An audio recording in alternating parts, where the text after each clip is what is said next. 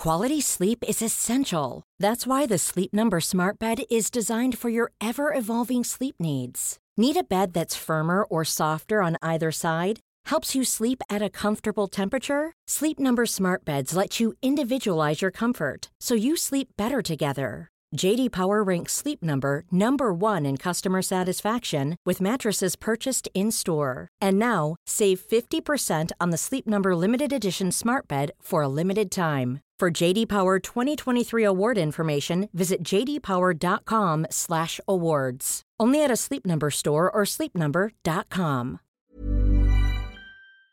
Lär känna dig själv. Det är vad ayurvedan hela tiden providar. Ger dig eh, kunskap som du kan prova på dig själv så att du själv får komma fram till att här mår jag bra och då måste du också definiera vad må bra betyder. Är det att vara lugn och chill eller är det att vara energisk eller är det att vara klar i hjärnan? Välkomna till Ayurveda-podden, en av Sveriges första podcasts om ayurveda. Vi ska prata om vad ayurveda är för något. Är det bara en diffus filosofi eller kan den lära främja ett friskare liv? Syftet med den här podden är att låta ayurveda gå från något abstrakt och avlägset till något konkret och lättillgängligt. I podden hör ni mig, Johanna Mård, och ibland även mina inbjudna gäster. Och tillsammans kommer vi undersöka hur ayurveda kan göra en skillnad för oss alla och vår hälsa. Än en gång, varmt välkomna. Okej, då sitter vi här nu eh, och spelar in ett nytt avsnitt. Och idag har jag med mig en ny gäst. Och det är ingen mindre än Marie Segelström. Så välkommen Marie. Tack snälla Johanna. Tack. För att du eh, vill vara här och spela in det här med mig. Vi är ju väldigt nya bekanta inför varandra. Så det, det jag vet om dig är att du eh, likt mig är väldigt intresserad av ayurveda eh, och yoga. Och inte så jättemycket mer egentligen. Så du får jättegärna berätta vem... Eh, svara på den lilla frågan vem du är. Ja, den är liten verkligen. Ja. Men jag försöker göra den liten. Ja. Ja. Eh, ja, jag heter Marie Segelström och jag såg dig på Facebook, va? var det eller Instagram att du ville ha någon att podda med, Mm. ayurveda. Japp. Så därför sitter vi ju här. Och eh, jag överlag tycker att allting som gör oss liksom lyckligare och friskare och starkare är intressant. Och ayurvedan är en del av det. Så eh, annars så jobbar jag med allting som jag tycker är kul. Eh, och det har ofta med hälsa att göra. Jag yogar mycket personligen och undervisar också i yoga Mm. och meditation och jag coachar, jag föreläser och utbildar. Men det där var inget svar på din fråga, för det där var ju bara vad jag gör. Ja, precis. Det- men de glider ofta, de glider lätt ihop. Det gör de. Ah, Ja. Så vem jag är lite, det är, ett annat svar. Eh, eh, jag har liksom en, en riktigt spännande existens just nu eh, och jag är väldigt intresserad av hur man gör den ännu bättre. Mm. Och jag är också väldigt bra på det. Mm. Så att jag håller på att Jag är väldigt, vad heter det, introspektiv. Eh, ordet eh, svadhyaya i yogan, att man själv reflekterar mycket. Jag tror att jag alltid har gjort det som individ. Jag tror att som liten var jag också ganska nyfiken liksom på att observera insida, utsida, människor, beteenden. Så det beskriver mig som person lite grann. Extremt förtjust i människor. Mm. Och djur vill jag tillägga. ja. Ja, härligt. Ehm, så, och var började din resa med ayurveda? Minns du när du hörde ordet första gången? Gör du det Anna? Ja. Berätta. Ehm, jag har redan berättat det i Ah, podden så de som lyssnar. Men Ah. för mig var det att jag, eh, jag kan berätta för dig då, Ja. eh, kort. Men jag gick in i en bokhandel och helt plötsligt hade jag en bok i min hand där det stod någonting som jag inte kunde uttala, inte visste vad det var. Och kände bara att den här boken ska med mig hem. Och sen blev jag hooked. Jag kände att det här måste jag lära mig mer om. Det var Eh, samma. Det var så? Jag var i Nepal tror jag. Mm. Någonstans i Asien var jag. Och så hade jag en affär som jag tyckte jättemycket om som jag återkom till hela tiden med stenar och böcker. Och då dök ayurveda upp flera gånger och så visste jag verkligen inte vad det var. Nej. så det är första gången, men jag köper inte någon bok där som jag kommer ihåg det. Ja. Men där var första liksom, mötet med det. Mm, spännande, Mm. roligt. Mm. Och vad hände sen då efter det? Om man tittar på din liksom ayurveda-resa. Mm. Det minns jag inte. Men jag bör väl ha börjat med någon bok. Ja, Och så tror jag att jag ganska snabbt anmäl- anmälde mig till utbildningen i Markaryd. till ayurvedisk konsulent idag. Ja, så då gick jag den. Och det vet jag inte när det var heller, men det är länge sedan. Det är länge sedan. Ja, Men länge sedan, är det eh, fem år sedan, tio år sedan, 15 år sedan? 20, try 20, Okej, 25. Okej, ja. Mm, det, det var ett tag sedan. Ja, det är ett tag Ja. sedan. Ja. Så ayurveda har varit med dig länge. Jättelänge. Eh, och det var ju någonting du sa till mig på telefon när vi pratades vid eh, häromdagen. Att eh, ayurveda för dig det är så integrerat. Att det är verkligen en del av din vardag. Någonting du idag praktiserar lite utan att du tänker på det. Visst är det så. Mm, Absolut. mm. Vad tänker du på då när du hör ordet ayurveda idag? Om du skulle beskriva det för någon annan, vad skulle du säga att det är? Rutiner. Rutiner? Ja. Mm. Ayurvediska rutiner, så som, sånt som jag gör varje dag. Mm. Så att först kan det vara rent praktiska saker som jag gör som Gashana mas- massage. Det är en eh, massage med en silkesvante. Ja. Eller Avajanga massage som är en massage med sesamolja, värmd Mm. sesamolja. Det gör jag varje dag. Mm. Eh, är Neti, är det ayurvediskt eller yogiskt? Eh, Nässköljning. Ja du, var går gränsen? Jag vet inte riktigt. De är sammanflätade. Visst, Ja, tungskrapning. ja. allt sånt där. Ja, och Ja. de här sakerna gör ju jag varje dag. Plus att man har den här kunskapen om elementen så att jag kan tillföra, jag är ju extrem pitta-person. Mm, Det innebär att jag behöver hålla mig själv sval mm, för att inte bli i obalans. Jag älskar min pitta. ja. Men i obalans blir jag ju riktigt oskön för alla. Så att då vet ju jag hela tiden också, nu är det ju sommar. Att inte liksom lägga till heta kryddor, inte sitta i solen, alltså hålla mig sval. Mm. Så att på det sättet så är det ju mer med jämnt. Förstår du? Just Jag, ja. ja. Så du använder det för att vara i balans själv och må ännu bättre. exakt. Ja. Och det är därför vi sitter här och pratar om det. För att det har hjälpt oss och vi vill dela med oss av hur andra kan ta tillvara på det här också. Ja. Ja. Vet du, jag märkte att du hade mycket eld inom dig bara när vi chattade första gången. För att du var väldigt drag på sak. Och det är många personer som har mer pitta inom sig. Eh, Jag har en av mina bästa vänners mamma, hon som också är väldigt nära mig. Hon är också dominant, eh, pitta-dominant. Och varje gång jag ringer till henne så svarar inte hon Hej, hur mår du? Vad gör du? Utan hon svarar Vad är det? Mm. Utan det är verkligen så här, hon är så målmedveten. Mm. Hon är rakt på sak hela Mm. tiden. Det var samma sak när vi chattade. Det var så här, det var bara väldigt tydligt. Sakfrågan direkt. Japp. Japp. Och det är, så, det är kul när man börjar... Ingen vata small talking Nej, här. verkligen inte. det är kul när man eh, kommer in lite mer på ayurveda och ganska snabbt, liksom i små detaljer kan urskilja, okej men vad, vad verkar det här vara för typ av person? Visst. Ja. Okej, idag då, i det här avsnittet ska vi prata om Agni och Ama. Vilket för några personer kanske är helt nya termer. Eh, för det här är ett av några avsnitt som kommer på rad där vi ska ha en typ av mat som medicinserie. Och när vi ska prata om mat som medicin så känns det väldigt rimligt att börja med att prata om Agni och Ama. Så vi ska ta reda på vad det är för någonting. Eh, och de två huvudfrågorna är väl hur kan man stärka sin Agni och hur kan man äta för att undvika Ama. Så det är det vi kommer prata om. Och både Agni och Ama har med våran eh, matsmältning att göra, kan man säga. Eh, och grunden till all hälsa är ju en god matsmältning. Det säger ju ayurvedan om och om och om igen. Och det är så spännande nu när de i västvärlden har kommit fram till att allting handlar om mage och tarm och tarmflora. Och så kommer de fram till det som att det är så här wow! Nyhet! Och det har jag ju vetat, hela tiden. Ja, verkligen. Det, är, det, det är lite kul när man sitter på den här ayurvediska kunskapen och det är så fint att det ändå på något sätt, på något sätt möts Mm. också. Eh, för det är ju sant att i princip eller majoriteten av vårt immunförsvar sitter i mage-tarm och så vidare. Och det kommer ju mer, jättemycket forskning på mage-tarm nu. Och grunden till all hälsa enligt ayurveda är en god matsmältning. Ja. Så det vi ska börja prata om idag, hur kan man få det helt enkelt? Eh, och det kan man få genom att praktisera ayurveda. Eh, och vi ska gå in lite mer på detalj, lite så här konkret, vad man kan göra. Eh, så några av de frågor som vi kommer besvara är hur utmärker sig en god matsmältning? Och vad kan man göra för att få en bättre matsmältning? Och vad, när och hur ska man egentligen äta?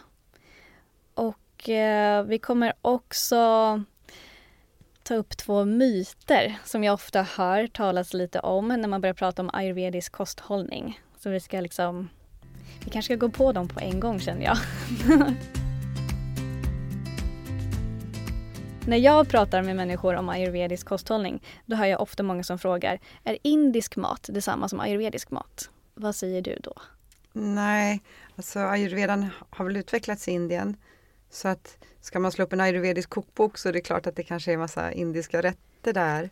Men ayurveda är ju en kunskap, kunskap om livet. Kunskap om livet, ja. Eh, så att den är ju applicerbar i västvärlden och i det här fallet då i Sverige. Och jag tänker att när jag gick min utbildning i Markaryd eh, den kvinnan som höll i den var ju helt magisk. Och hon översatte, hon har också jobbat med ayurveda länge, så hon kunde översätta det här som att lingon till exempel har vi inte på så många andra platser i världen. Så hur funkar det ayurvediskt matsmältningsmässigt? Mm. Eh, så att nej, det är lika lite som yoga är indiskt. Så ja, men eller det är ju en kunskap. Ja, precis. Ja. Så om, om du går in på en indisk restaurang här i Sverige så är inte det ayurvediskt. Helt eh, ayurvedisk matlagning. Nej. Precis som du sa Marie, ayurvediskt handlar mer om en en kunskap. Ja. Eh, så vad det handlar om är att lära sig hur kan jag äta ayurvediskt och det handlar om att typ, ta tillvara på olika livsmedel och kryddor och se vad passar för just mig, min kropp idag baserat på årstid och dygnsrytm och min, liksom, hur jag mår. Eh, och vad behöver jag för att må ännu bättre. Eh, så man kan och utifrån det så kan man ju då, om man är sugen på indiskt, då kan du ju laga en indisk maträtt och använda liksom krydda livsmedel som funkar bra för dig. Men du kan också äta italienskt på ett, med det ayurvediska liksom, tankesättet. Eh, du kan äta medelhavskost eller svensk husmanskost. Alltså all, alla typer av koster går att anpassa utifrån den ayurvediska kunskapen. Så skulle jag säga. Exakt. Ja, så det är en myt. Så eh, om man tänker så här, jag vill gärna äta mer ayurvediskt men jag tycker inte om indisk mat. Det spelar ingen roll. Du kommer kunna äta ayurvediskt resten av ditt liv i alla fall.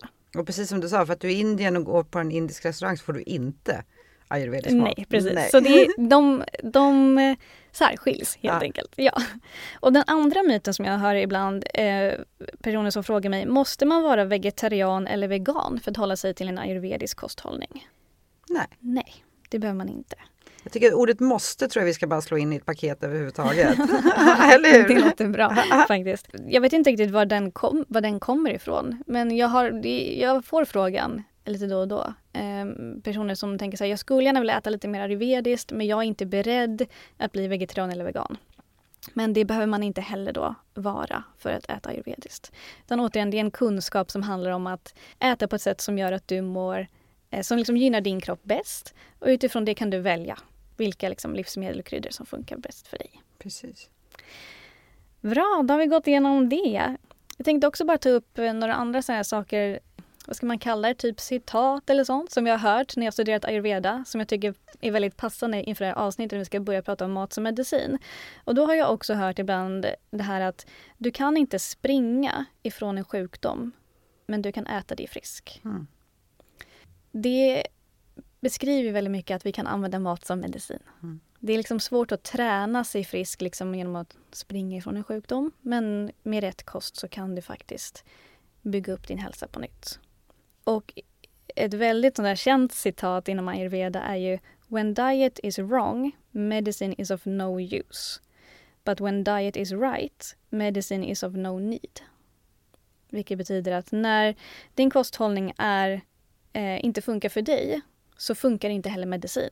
Men när din kosthållning är rätt för dig så behövs inte medicin. Just. Mm. Där har du begreppet mat som medicin. Exakt. Mm. Ja, den har du hört förut, eller hur? Jag tänker också just om man går till, backar till Indien så handlar det ganska mycket om en kultur där väldigt många är fattiga. Och då behöver man ändå ha en kunskap hur man ska kunna äta utan att bli sjuk. Till exempel ja. så vissa kryddor dödar parasiter. Mm. Eh, så att jag tror att där kommer liksom själva begreppet mat som medicin ganska mycket ifrån för man måste lära sig lite tricks och fix mm. om man är väldigt fattig ja. runt kosten. visst. Så att man inte blir sjuk. Ja. En aspekt av det. Ja, det är absolut en aspekt av det. Mm.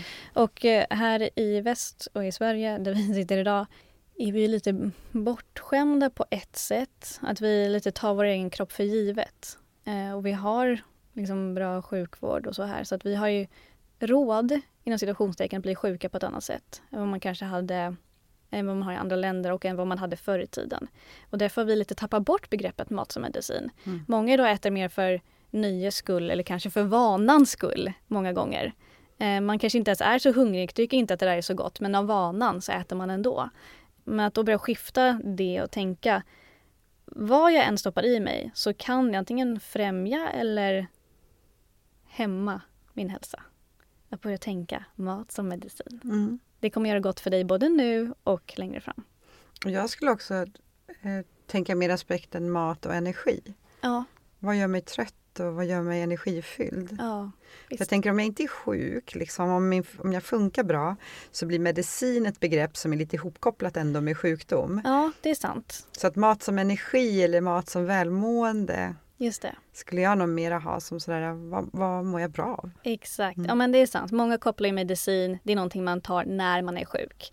Eh, mer att maten vi äter nu är ju för att främja det redan friska i oss och hjälpa oss att må ännu bättre. Ja.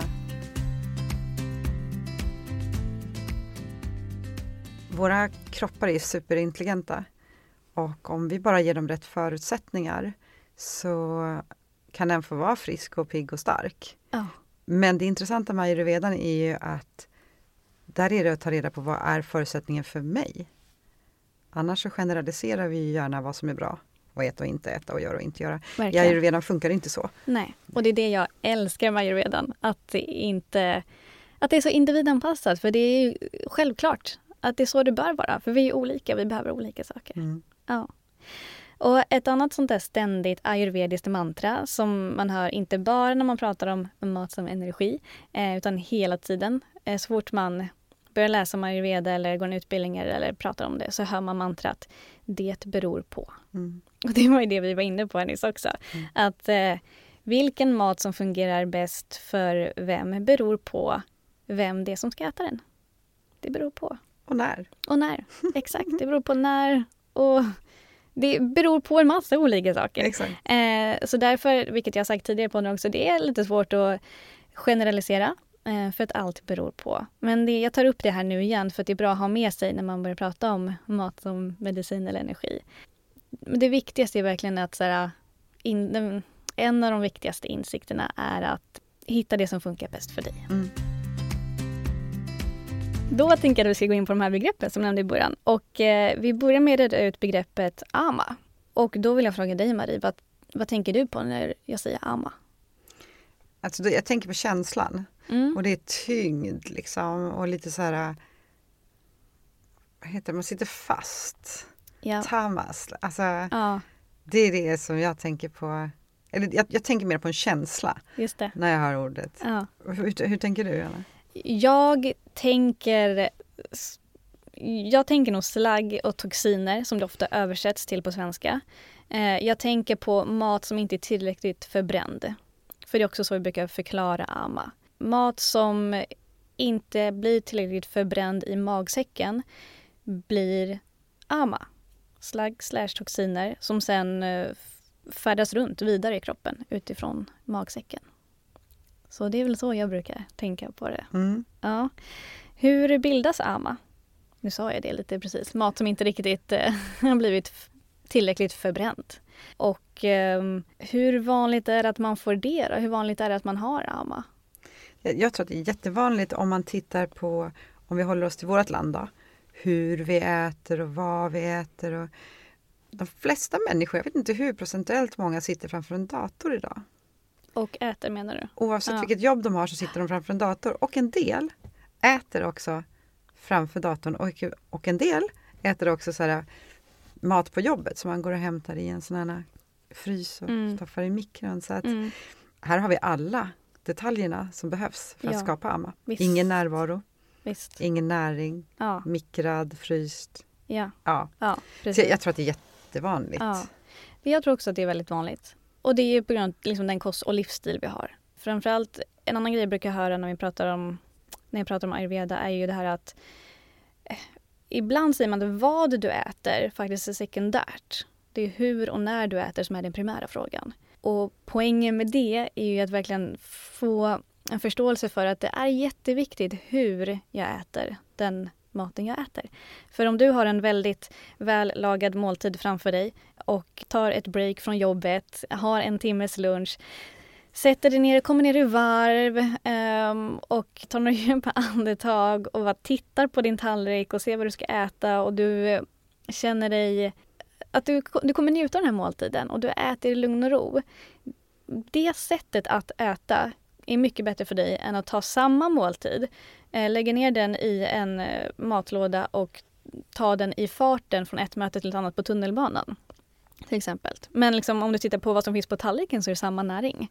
Men det kommer vara lättare eller svårare för kroppen att ta upp det beroende på hur och när du äter. Just det. Mm. Så, och det att lära sig äta på rätt sätt gör också att vi minskar risken för att få mer amma. Mm. För det hjälper ju matsmältningen. Och den tycker jag, det är så bra att du tar upp det Johanna, för den är mycket lättare att åtgärda ibland än själva maten i sig. Mm. Eh, hur du förhåller dig till maten, din sinnesstämning. Och ni vet ju alla de här tipsen om att man ska tugga 25 till 30 gånger. Ja. Det är så korrekt. Ja. För att det finns en enzym i munnen, amylas, som inte finns någon annanstans i kroppen. Exakt. Där startar ju liksom, eller det startar och för sig med det du sa, att liksom bara hej maten. Ja. ja. Just det, det här, nu, ska jag, nu ska jag få äta den här fantastiska maten. Så att, Exakt, det kan man ju alltid åtgärda. hur man förhåller sig. Mm. Vad händer i kroppen då om man har ama? Tänker du rent fysiskt nu? Det fysiska och psykiska hänger ju ihop. Vad tänker du? Jag tänker att eh, nadisar, kanalerna som går i kroppen, energikanalerna, mm. slaggar igen. Ja. Och de kan ju slagga, slagga igen lite för en stund eller för en dag.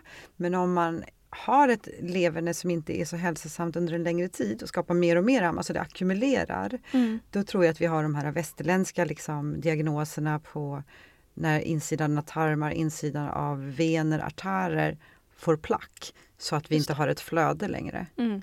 Eh, och sen kommer en massa sjukdomar utav det. Mm. Men det var i förlängningen mm. när vi har eh, gått med det ett tag. Exakt. Mm. Ja, precis. Och kan man bli av med amma? Jag tror ingenting är kroniskt. Ingenting. Jag tror också det är klart att vi kan bli av med amma. Ja, det är klart. Har vi dragit på saker under en längre tid och ska förändra någonting så tar det oftast lite längre tid att göra den här förändringen så att kroppen igen får tillbaka sin homeostas ja. och sin balans. Att, ja. eh, men allt går. Ja. allt. Ingenting är omöjligt. Eh, men det är klart att det går att bli av med amma och det kommer vi också prata om här. Hur, hur gör man för att liksom främja men främja sin hälsa. Det är det som är hela poängen. Och Johanna, om du skulle liksom berätta för de som lyssnar, hur vet de att de har AMA? Hur kan man kolla det? Om man nu inte kan så mycket om ayurveda, mm. hur, vad skulle du säga till dem då? Jag tänker då, eh, lite som du sa till en början, så här, hur känner du dig? Hur känner du dig? Hur mår du? Om du känner dig liksom tung, trött, liksom orkeslös kan vara tecken på att du har amma. Om du eh, eh, också om du typ saknar hunger eller har väldigt oregelbunden hunger kan också vara ett tecken på att du har mera amma inom dig. För det ligger liksom och stör matsmältningsprocessen eh, kan man säga. Man brukar också säga att du kan titta på din tunga. Om du, din tunga är eh, vit eller är eh, covered, säger man väl på engelska, ja, täckt, så är det också eh, ett tecken på att du har mer amma inom dig. Så det är därför bland annat som både jag och Marie kör tungskrapa varje morgon.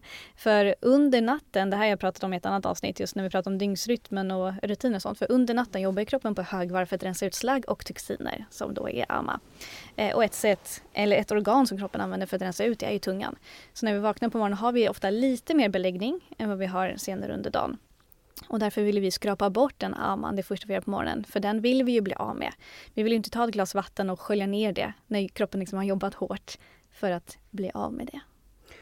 Och vi vill också titta på tungan, eller hur? Hur den ja. ser ut. För att ja. Hur beteckningen ser ut, vart den ligger, vilken färg den har mm. berättar också jättemycket om hur det ser ut inuti oss. Verkligen. Ja. Verkligen. Hur det ser ut i tarmarna har jag förstått. Ja, Mm. men precis. Tungan speglar ju vår insida. Det, Exakt. det. det är ett av de organ som speglar insidan. Vilket Mm. det gör ögon och naglar och hud och så också såklart. Men eh, absolut. Finns det några fler sätt som du säger? Eh, är någonting mer jag, jag har, någonting jag har missat på om man kan säga? Nej, men vi måste backa lite här. För det första jag gör när jag vaknar är att dricka vatten. Mhm. Det ska jag alltså inte göra. Nej, det ska du inte Upp göra. och skrapa! ja. Och sen! och sen dricka vatten. Gud vad bra! Eller jag kör upp och skrapa och borstar tänderna. Sen dricker jag vatten. För att ja, man sitter lite så här runt, runt tänderna också, alltså hela munnen. Ja. Mäh. Men Eh, så kan inte jag göra för jag behöver dricka mitt gröna te på morgonen och tandborstningen stör den smaken. Men jag kan skrapa tungan. mm. Så om vi nu ska liksom Och du kan borsta tänderna med typ bara vatten. Eh, och många gurglar ju och kanske gurglar med lite saltvatten eller salt och gurkmeja också för att så här, ja, eller gurgla med vad, vad heter det? Oil pulling är också en ayurvedisk eh, em, rutin för att få bra hälsa. Det är många som gör det med sesamolja eller kokosolja beroende på vad du har för... Ja. Nu kanske vi kommer lite off track. Nej, vet jag tycker inte. vi håller oss Ja. on track. Ja, Jag tycker det här är vad bra. För oil pulling är också en sån här, det är också en bebis, tycker jag. Jag gör det varje dag Ja. och då gör jag det när jag går ut och går. Ja, och det är ju, det är också, det är ju också ett sätt att liksom typ dra ut toxiner ur mun. Eh, alltså göra sig av med ama. Ja, Mm. och då måste vi lägga till en sån liten nörddetalj. Ja. De rekommenderar ju att man ska göra det i 20 minuter. Mm. Vet du varför? Nej, Det är för att det tar så lång tid för toxiner att lösa upp är sig. det sant? Och när jag fick reda på det, Ja. då bara ta, satte jag i klockan så här, för innan dess så spottade jag ut det när jag ville. Ja. Men nu när jag vet att det tar 20 minuter för toxiner att lösa upp sig, så är det klart att jag håller det i munnen i 20 minuter. Mm. Och sen spottar ut. Men det tänker jag också, jag tror inte att jag har gjort det i 20 minuter faktiskt. Det har jag nog inte gjort. Eh, och jag tänker folk som hör det här första gången, herregud, ska man hålla på och gurgla olja i 20 minuter? Det är jättelänge. Alltså man gör ju som man vill. Ja, Jag man kan, jag kan inte komma på något bättre. är. Eftersom jag, det, får jag ta lite off, mer off track? Kör. Jag har en kompis som eh, brukar vara med mig på mina retreat och där så gör vi oil pulling på morgonen samtidigt som man står i duschen. Samtidigt som man gör en abhyanga-massage, den här oljemassagen. Så då kan man lika bra passa på. Ah, Passa just på. Det, man gör det, det är inte så att man sätter sig på soffan och gör det i 20 minuter, man gör annat Det samtidigt. tar inte 20 minuter av liv, man, man gör det samtidigt. För Ja. någonting. Just det. Man går runt och städar samtidigt. Man tar en promenad samtidigt. Jag gör så. Ja. Hon hade gått till sin tandtekniker och eh, tandteknikern undrade vad hon hade gjort. För hon behövde inte göra någon, vad heter det, när de tar bort här, tandsten. Det. Den var helt borta och Ja. tänderna är så fina. Ja. Så att det är såna här små ayurvediska tricks Mm, som är här i det här fallet då börjar med att vi tar bort amman, just det. Precis. toxinerna. Ja. Men i slutändan så är det inte bara att hålla sjukdom borta. Det handlar ju för min del om att han, ha, hålla friskhet kvar. Jag är Exakt. inte så orienterad runt sjukdom. Jag är Nej. orienterad runt friskhet. Ja, liksom. ja. Men det är ju ayurveda också. Det, är liksom det primära syftet med ayurveda är att bevara det friska hos friska Exakt. individer. Ja. ja, men vad bra. Jag kanske ska börja lite mer med oil pulling. Jag också. Ja. Älskar. Du skrapar tungan det första du gör och jag börjar med oil Jag ska skärpa mig på den Ja. punkten. Tack för att du sa det. Jag vill inte svälja ner min amma. Nej, men eller hur, det vill man ju inte. Så då, hur kan man äta för att undvika ama? Och en, en väldigt bra grej är att lyssna till sin hunger. För om du äter när du är hungrig så kommer det vara lättare för kroppen att ta hand om den maten såklart. Och det här med att lyssna till sin hunger är, tycker jag är en väldigt bra grej att göra om man vill främja sin hälsa. Eh, det kan dock vara lite klurigt för om du har en kropp i obalans så kanske hungern är oregelbunden eller du är väldigt hungrig typ hela tiden eller känner ingen hunger alls. Så då är liksom steg ett att komma, få hjälp att komma i balans. Och när du är mer i balans då är det jättefint att använda din hunger för att äta på rätt sätt för att undvika att du får mer amma. En annan bra grej är att låta magen bearbeta klart en måltid innan du stoppar i dig någonting mer. Den är också bra att komma ihåg. Ayurveda främjar ju, eller pratar inte så mycket om att här, gå och snacksa hela tiden. Det är inte så schysst mot kroppen och det vet jag att du gärna skulle kunna prata mycket om också Marie. Att här, låta magen vila. För det är så om du har ätit en lunch och sen 40 minuter senare äter nötter eller frukt eller någonting annat. Då håller magen fortfarande på att bearbeta det då till lunch. Om du då stoppar i dig mer då blir det lite en, en krock i magen. Och då kan det också leda till att maten inte blir tillräckligt förbränd innan den skjutsas vidare. Ayurveda har en, en sån här målerisk bild av det där att man kokar havregrynsgröt. Och istället för att låta liksom samma havregryn koka klart så slänger man in lite nya havregryn hela tiden. Det blir inte riktigt bra. Nej, det blir inte samma Nej. sak. Nej. Precis. Och sen också som vi redan har kommit in på med det att sitta ner och äta i lugn och ro hjälper också dig att eh, få en bättre matsmältning och att tugga maten 25 till 30 gånger. Det har alla hört många gånger men det gör skillnad. Det finns ju sådana här, eh, om du går på hälsokostbutiken kan du köpa en matsmältningsenzym om du har magproblem. Och det, den första ingrediensen på den innehållsförteckningen är ofta amylas. Eh, som är det här enzymet som vi har i saliven. Så, så här, antingen kan man köpa piller eller så kan du bara börja tugga maten mer. Du kommer få samma effekt faktiskt. Färsk och nylagad mat är också bättre än matrester om man vill ha en kropp. Det var, det var en underdrift. Ja, bättre. Det, ät bara färsk och nylagad mat då. För ju längre maten står, eh, det vet vi ju, mat som står framme länge möglar. Eh, men den där nedbrytningsprocessen börjar ju på en gång. Så därför är det alltid bättre att äta färsk nylagad mat. Eh, mat som har stått i kylen i två dygn, även om det inte är mögligt, så är det liksom, det har ändå hunnit bryta ner och det kommer göra det svårare för magen att ta hand om det helt och fullt ut. Och det sägs, alltså det, ja, jag brukar jämföra liksom matrester med att det är, det är mer ama i det jämfört med nylagad mat. Tänker du också fall- så? Inte så mer ama men mindre prana. Mindre prana. Mm. Också ett begrepp som vi kommer att prata mer om eh, här framöver i eh, något avsnitt här längre fram. Men prana, kort förklarat, är ju livsenergi. Och vi vill ha mycket av det i vår mat också. Varm lagad mat eh, är också bättre än kall mat. Jag tänker att så här, nere i magsäcken så är det ju varmt. Eh, om vi skulle ta tempen där, det är ju varmt i magsäcken. Och det är det av en anledning. Det ska vara det. För att det är då är det lättast för magen att bearbeta den maten vi äter. Eh, på samma sätt är varmt vatten också bättre än att dricka någonting kallt. Så varm mat och varmt vatten främjar också matsmältningen och gör att vi minskar risken för att det bildas mera ama. När man pratar om eh, mat som eh, främjar vår hälsa och matsmältning så brukar man inom ayurveda så småningom komma in på någonting som heter in, incompatible foods. Som till svenska översätts till, jag har översatt det till inkompatibla livsmedel. Alltså livsmedel som inte funkar så bra ihop. Eh, och nu vet jag att du är väldigt här, friskorienterad. Det här har ju lite med det att göra också, även om det kan vara formulerat ofta som undvik det och det och kombinera inte det och det.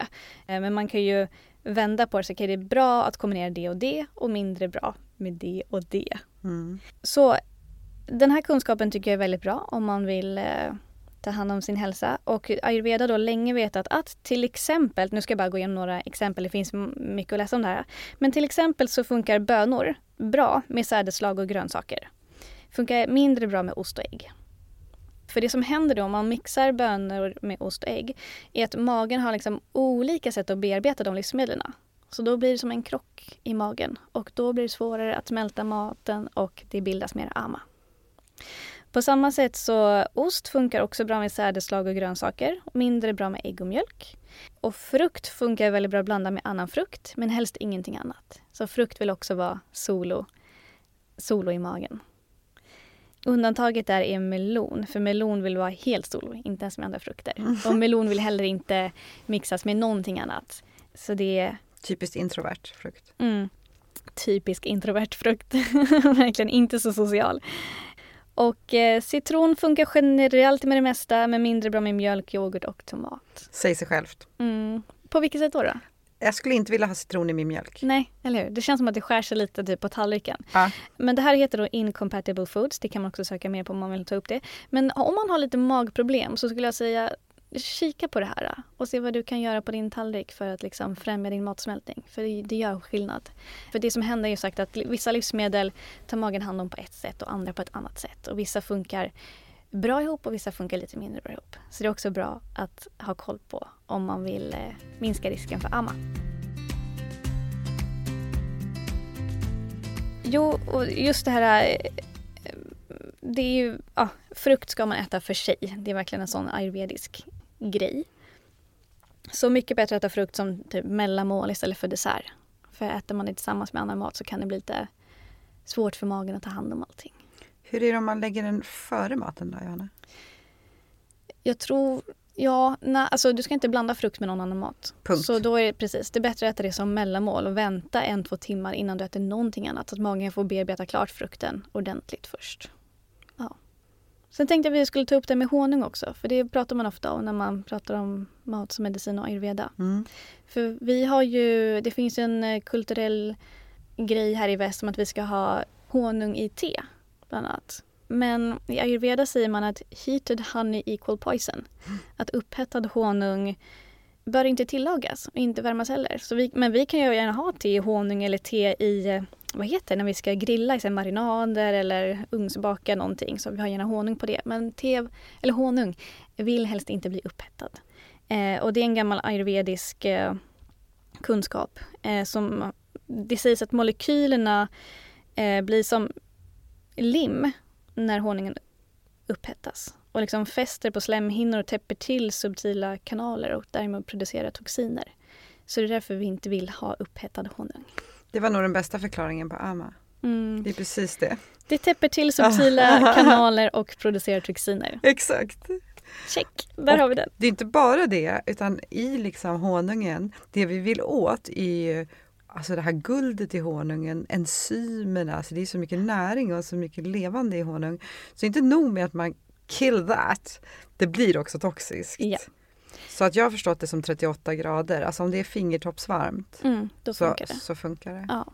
ja, men jag har också hört där omkring. Mm. Ja, 40 grader, 38. Ja. Så vill man ha det i teet så är det antingen bra att vänta liksom Mm. tills teet har fått den temperaturen. Ja. Bara ha lite tålamod, det är värt det. ja, Om det är någonting som du gör varje dag, visst. då och då. Ja, allt det här gör vi ju Ingen då stor grej, men precis. Är Men, du tedrickare och vill ha honung i teet, Ja, vänta. ja, Det är så värt. det är värt det. Life is full of awesome what ifs, and some not so much, like unexpected medical costs. That's why United Healthcare provides Health Protector Guard fixed indemnity insurance plans to supplement your primary plan and help manage out of pocket costs. Learn more at uh1.com. There's never been a faster or easier way to start your weight loss journey than with PlushCare.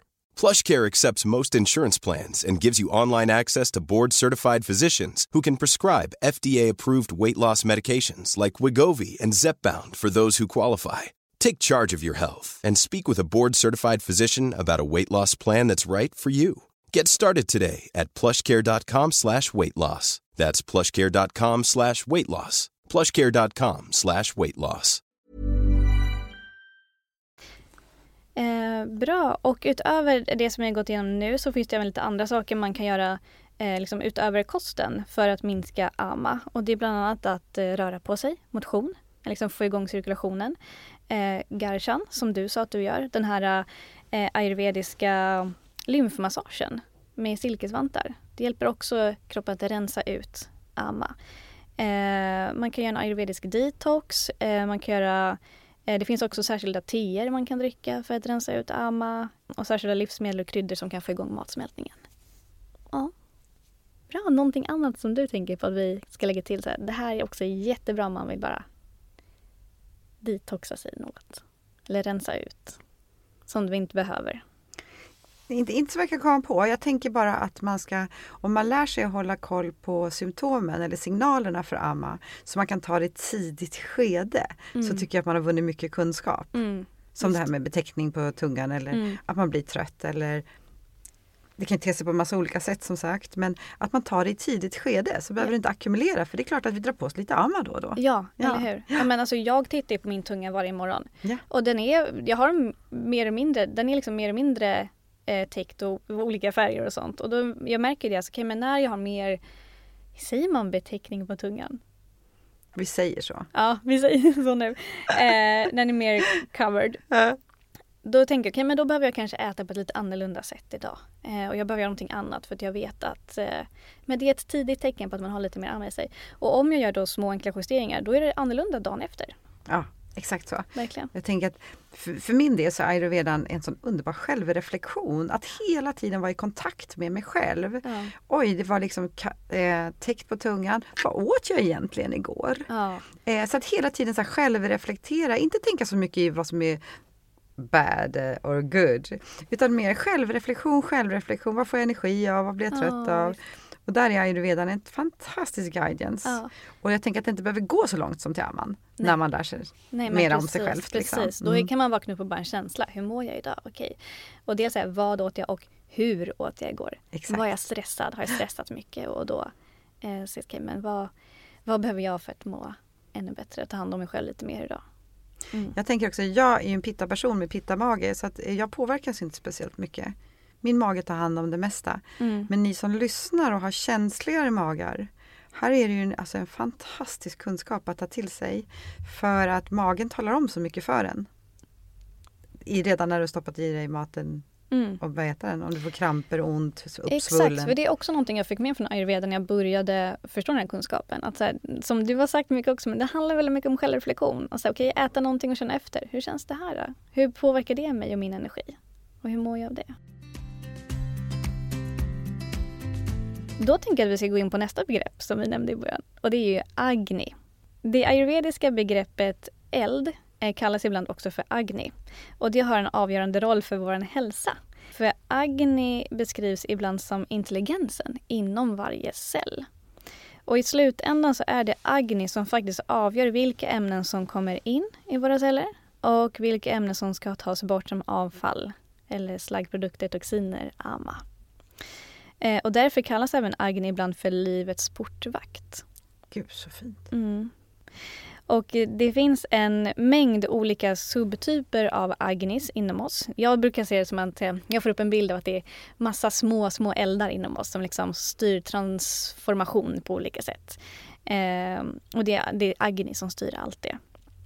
Men sen har vi ju den största agnin som är liksom modern av alla agnis och det är vår matsmältningseld. Och det är den som liksom finns i magsäcken.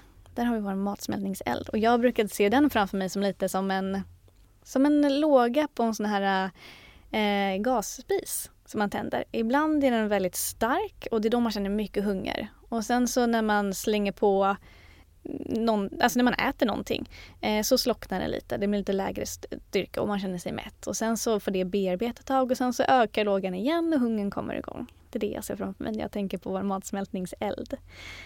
Mm, hur skulle du beskriva Agni? Som en eh, förbränning eller transformation.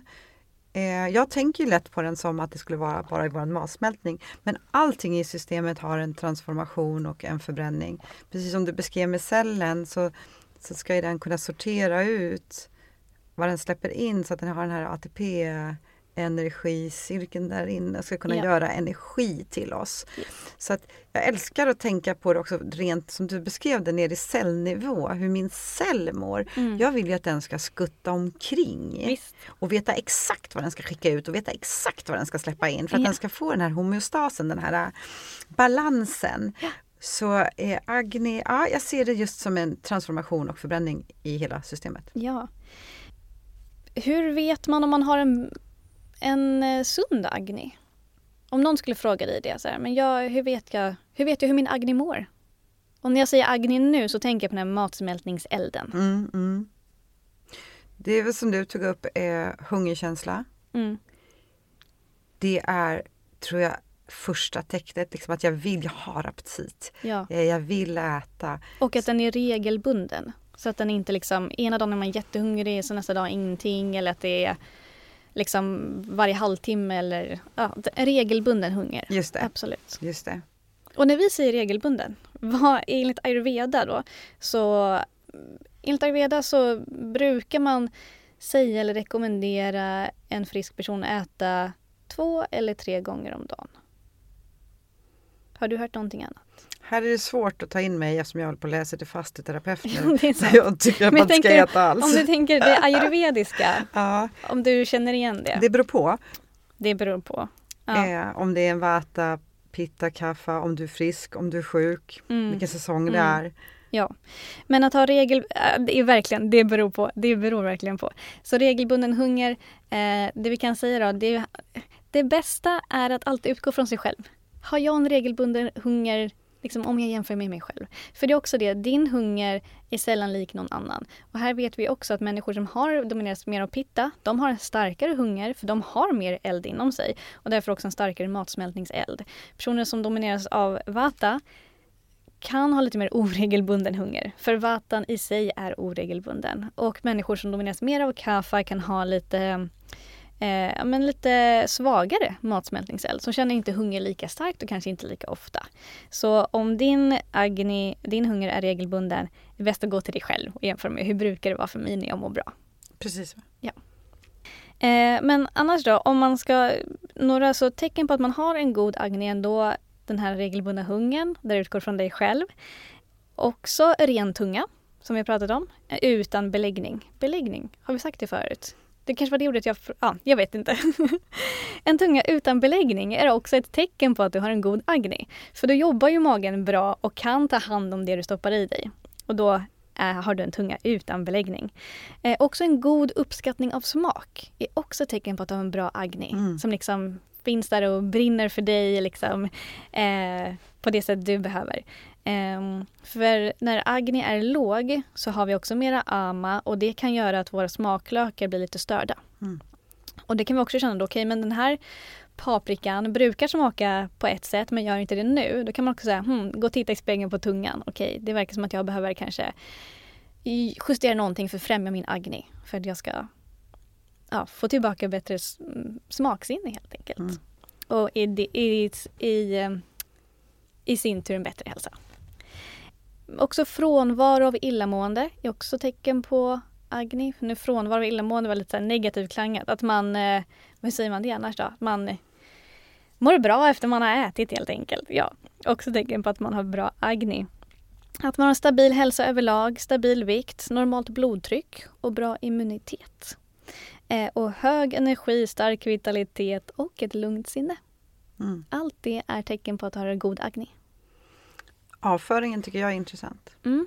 Säg någonting mer om det. Ja, alltså man, här igen då, alltså, jag vet inte hur ni lyssnare tycker om att liksom titta på er avföring och prata om avföring men när man jobbar med ayurveda eller tycker att det är spännande så är avföringen extremt intressant för den talar om så himla mycket för en.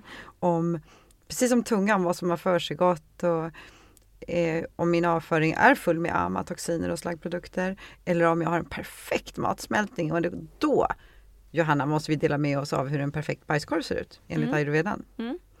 Och då får du hjälpa mig om jag kommer ihåg fel men det ska vara one piece. Ja. Den ska vara middle brown. Ja. Och den ska flyta en stund before it sinks. Ja. Har jag missat något? Nej, det är det jag har hört också. Precis. Där har du den. Eh, One Piece är ju att det liksom inte är massa småkluttar eller att det liksom är löst. Eh, och också att det ska flyta en stund. För gör det inte det då är det väldigt tungt. nu blir det detaljer. Men det är en hel del skitsnack inom ayurveda. För att det ger ju dig direkt feedback på din hälsa. Det är det som är grejen. Eh, för är det väldigt tungt och sjunker liksom snabbt då är det också tecken på att du har mer ama i dig. Exakt, där har ni ett superenkelt sätt att se att man har ama i kroppen. Mm. Och som den är väldigt mörk. Mm. Mm. Just det. Så det kan man också använda som feedback för sin hälsa. Så mitt svar var egentligen igen, jag kommer inte kunna säga frågan igen, för det handlade igen om självreflektion. Ja. Vad var det vi pratade om? Eller vad var det som ledde dit? Ojas kanske? Var nej, det hade vi inte kommit in på. Ja. Ah, jag, jag drog iväg där. Ja. Men avföringen var viktigt att ha med den. Ja, det ska jag, ha med. Det ska jag med. Ja.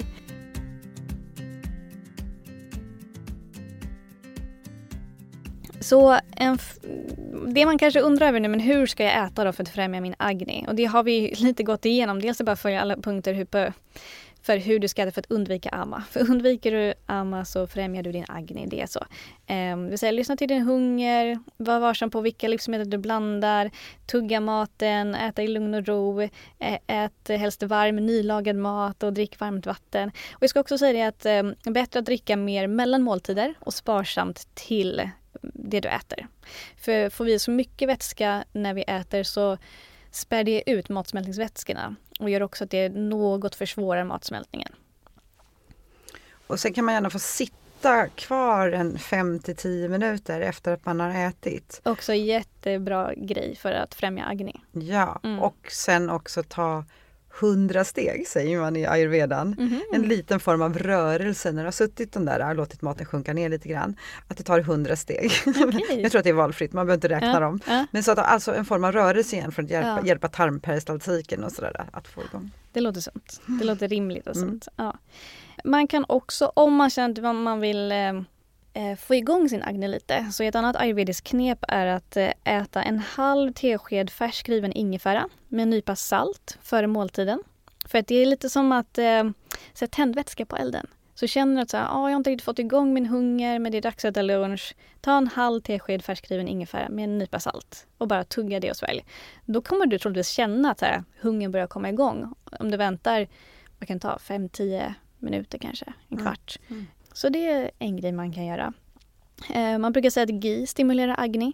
Så det är bra att ha, ja det kan man använda i massa olika typer av kurer också bara till maten. Ja, och eh, generellt kan man, brukar man också säga att eh, pitta, alltså mat som främjar pitta främjar också din agni. Så det är liksom ja, men chili, ingefära, eh, starka kryddor, svartpeppar.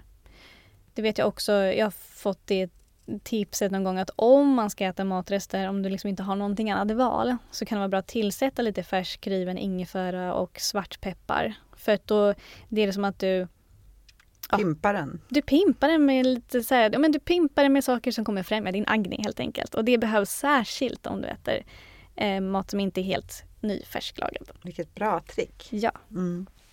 Så helt enkelt, gå alltid med en liten ingefära i fickan och en liten miniräfsare. och återigen, så här, det beror på. Alla behöver inte det. Eh, för är du en person som har liksom, är pitta-dominant så kanske du aldrig behöver det. Eh, är du en person som har mer kaffe i din konstitution kanske du behöver lite oftare. Och återigen, gå till dig själv, lyssna till din hungerkänsla. När, när behöver jag den där ingefäran och när behöver jag den inte? Mm. Fint. Om du, eh, Marie, vi kan hjälpas åt. Men om du skulle vilja börja och sammanfatta det vi pratat om. Så är rubriken Lär känna dig själv. Mm. Det är vad ayurvedan hela tiden providar. Ger dig eh, kunskap som du kan prova på dig själv så att du själv får komma fram till att här mår jag bra och då måste du också definiera vad må bra betyder. Är det att vara lugn och chill eller är det att vara energisk eller är det att vara klar i hjärnan? Så att hela tiden ha en fokus inåt och så använder du dig av ayurvediska principer och de tänker jag inte rabbla nu för det är mycket bättre att skaffa ett litet häfte eller googla lite så kan du hela tiden gå in och kolla. Det bästa har du ju säkert pratat om såklart så är ju att man gör en test eller går till en ayurvedisk läkare och gör en Ja. så att du vet vilka doshor du har som är dominanta och vilka som behöver stödjas. Eh, Så att summa kardemumma skulle jag säga självreflektion. Självreflektion. Ja. Prova dig fram. Läs, skaffa kunskap med huvudet, det vill säga läs. Prova på dig själv och se vad är sant för dig. Verkligen. Och det, det är så sant när det kommer till ayurveda och mycket annat. Men just det här att börja prova. Eh, Så här, prova och dricka varmt vatten istället för kallt. Och se vad det gör för dig. Din magkänsla. Liksom, hur, hur känns det? Och hur påverkar det det? Och din energinivå och så vidare. Och så ta ett steg i taget och prova dig fram. Ja, lek med det. Jag Ja. tänker just det med att dricka varmt vatten, för det sätter jag ju ganska många människor på. Och det är en sån, som många andra saker, träning, fasta, vatt, kalla bad, allting. Det kan vara lite utmanande i början. Det är inte helt eh, bekvämt, det är inte helt gott. Men de flesta människor som håller ut en stund, de dricker till slut varmt vatten, de kallbadar, de fastar. Ja. Det handlar om det här resilience, att ha en form Ja. av motståndskraft, att komma över. Så det här med varmt vatten tycker jag alltså, är genialiskt. Ja, det är Att dricka genialiskt. kokat varmt Ja. vatten. Ja. Det hjälper också kroppen, nadis, energikanaler att rensa ut ama. Det gör Så det. enkelt och så vackert. Ja. Vatten, Ja, dricka, ja. visst. Gratis. Ja, faktiskt. Det, det är mycket vi kan göra för, hälsa som är, för vår hälsa som är, som är gratis faktiskt. Ja, men då vet vi eh, lite mer om ama och agni. Tänk, lär känna din matsmältningseld. Det är verkligen A och O för att främja din hälsa. Hur mycket brinner min matsmältningseld idag? Vad kan jag göra för att den ska må bra? För om den mår bra så mår jag bra. Och den enklaste vägen till det är att inte stoppa saker i munnen hela tiden. Ja. Precis som du var inne på. Mm, Äta två till tre gånger om dagen och sen låta kroppen vara i fred. mm. Och däremellan dricka varmt vatten. Exakt. Bra, toppen. Tack Marie för att du var med här i det här avsnittet. Jag eh, uppskattar det jättemycket. Det var jättefint att prata om det här med dig. Tack, jag lärde mig massa saker. Ja, vad fint. Ja. Vad bra. Det är därför vi är här också, för att vi ska lära oss. Ja, Du och jag. hela tiden. Mm. Toppen. Men tack så mycket.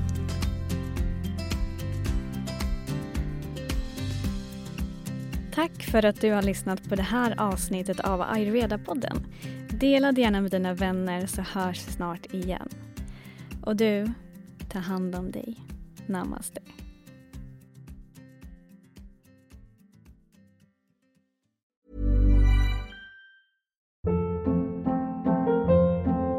Hold up. What was that? Boring. No flavor. That was as bad as those leftovers you ate all week. Kiki Palmer here, and it's time to say hello to something fresh and guilt-free. Hello Fresh. Jazz up dinner with pecan-crusted chicken or garlic butter shrimp scampi. Now that's music to my mouth. Hello Fresh. Let's get this dinner party started. Discover all the delicious possibilities at hellofresh.com.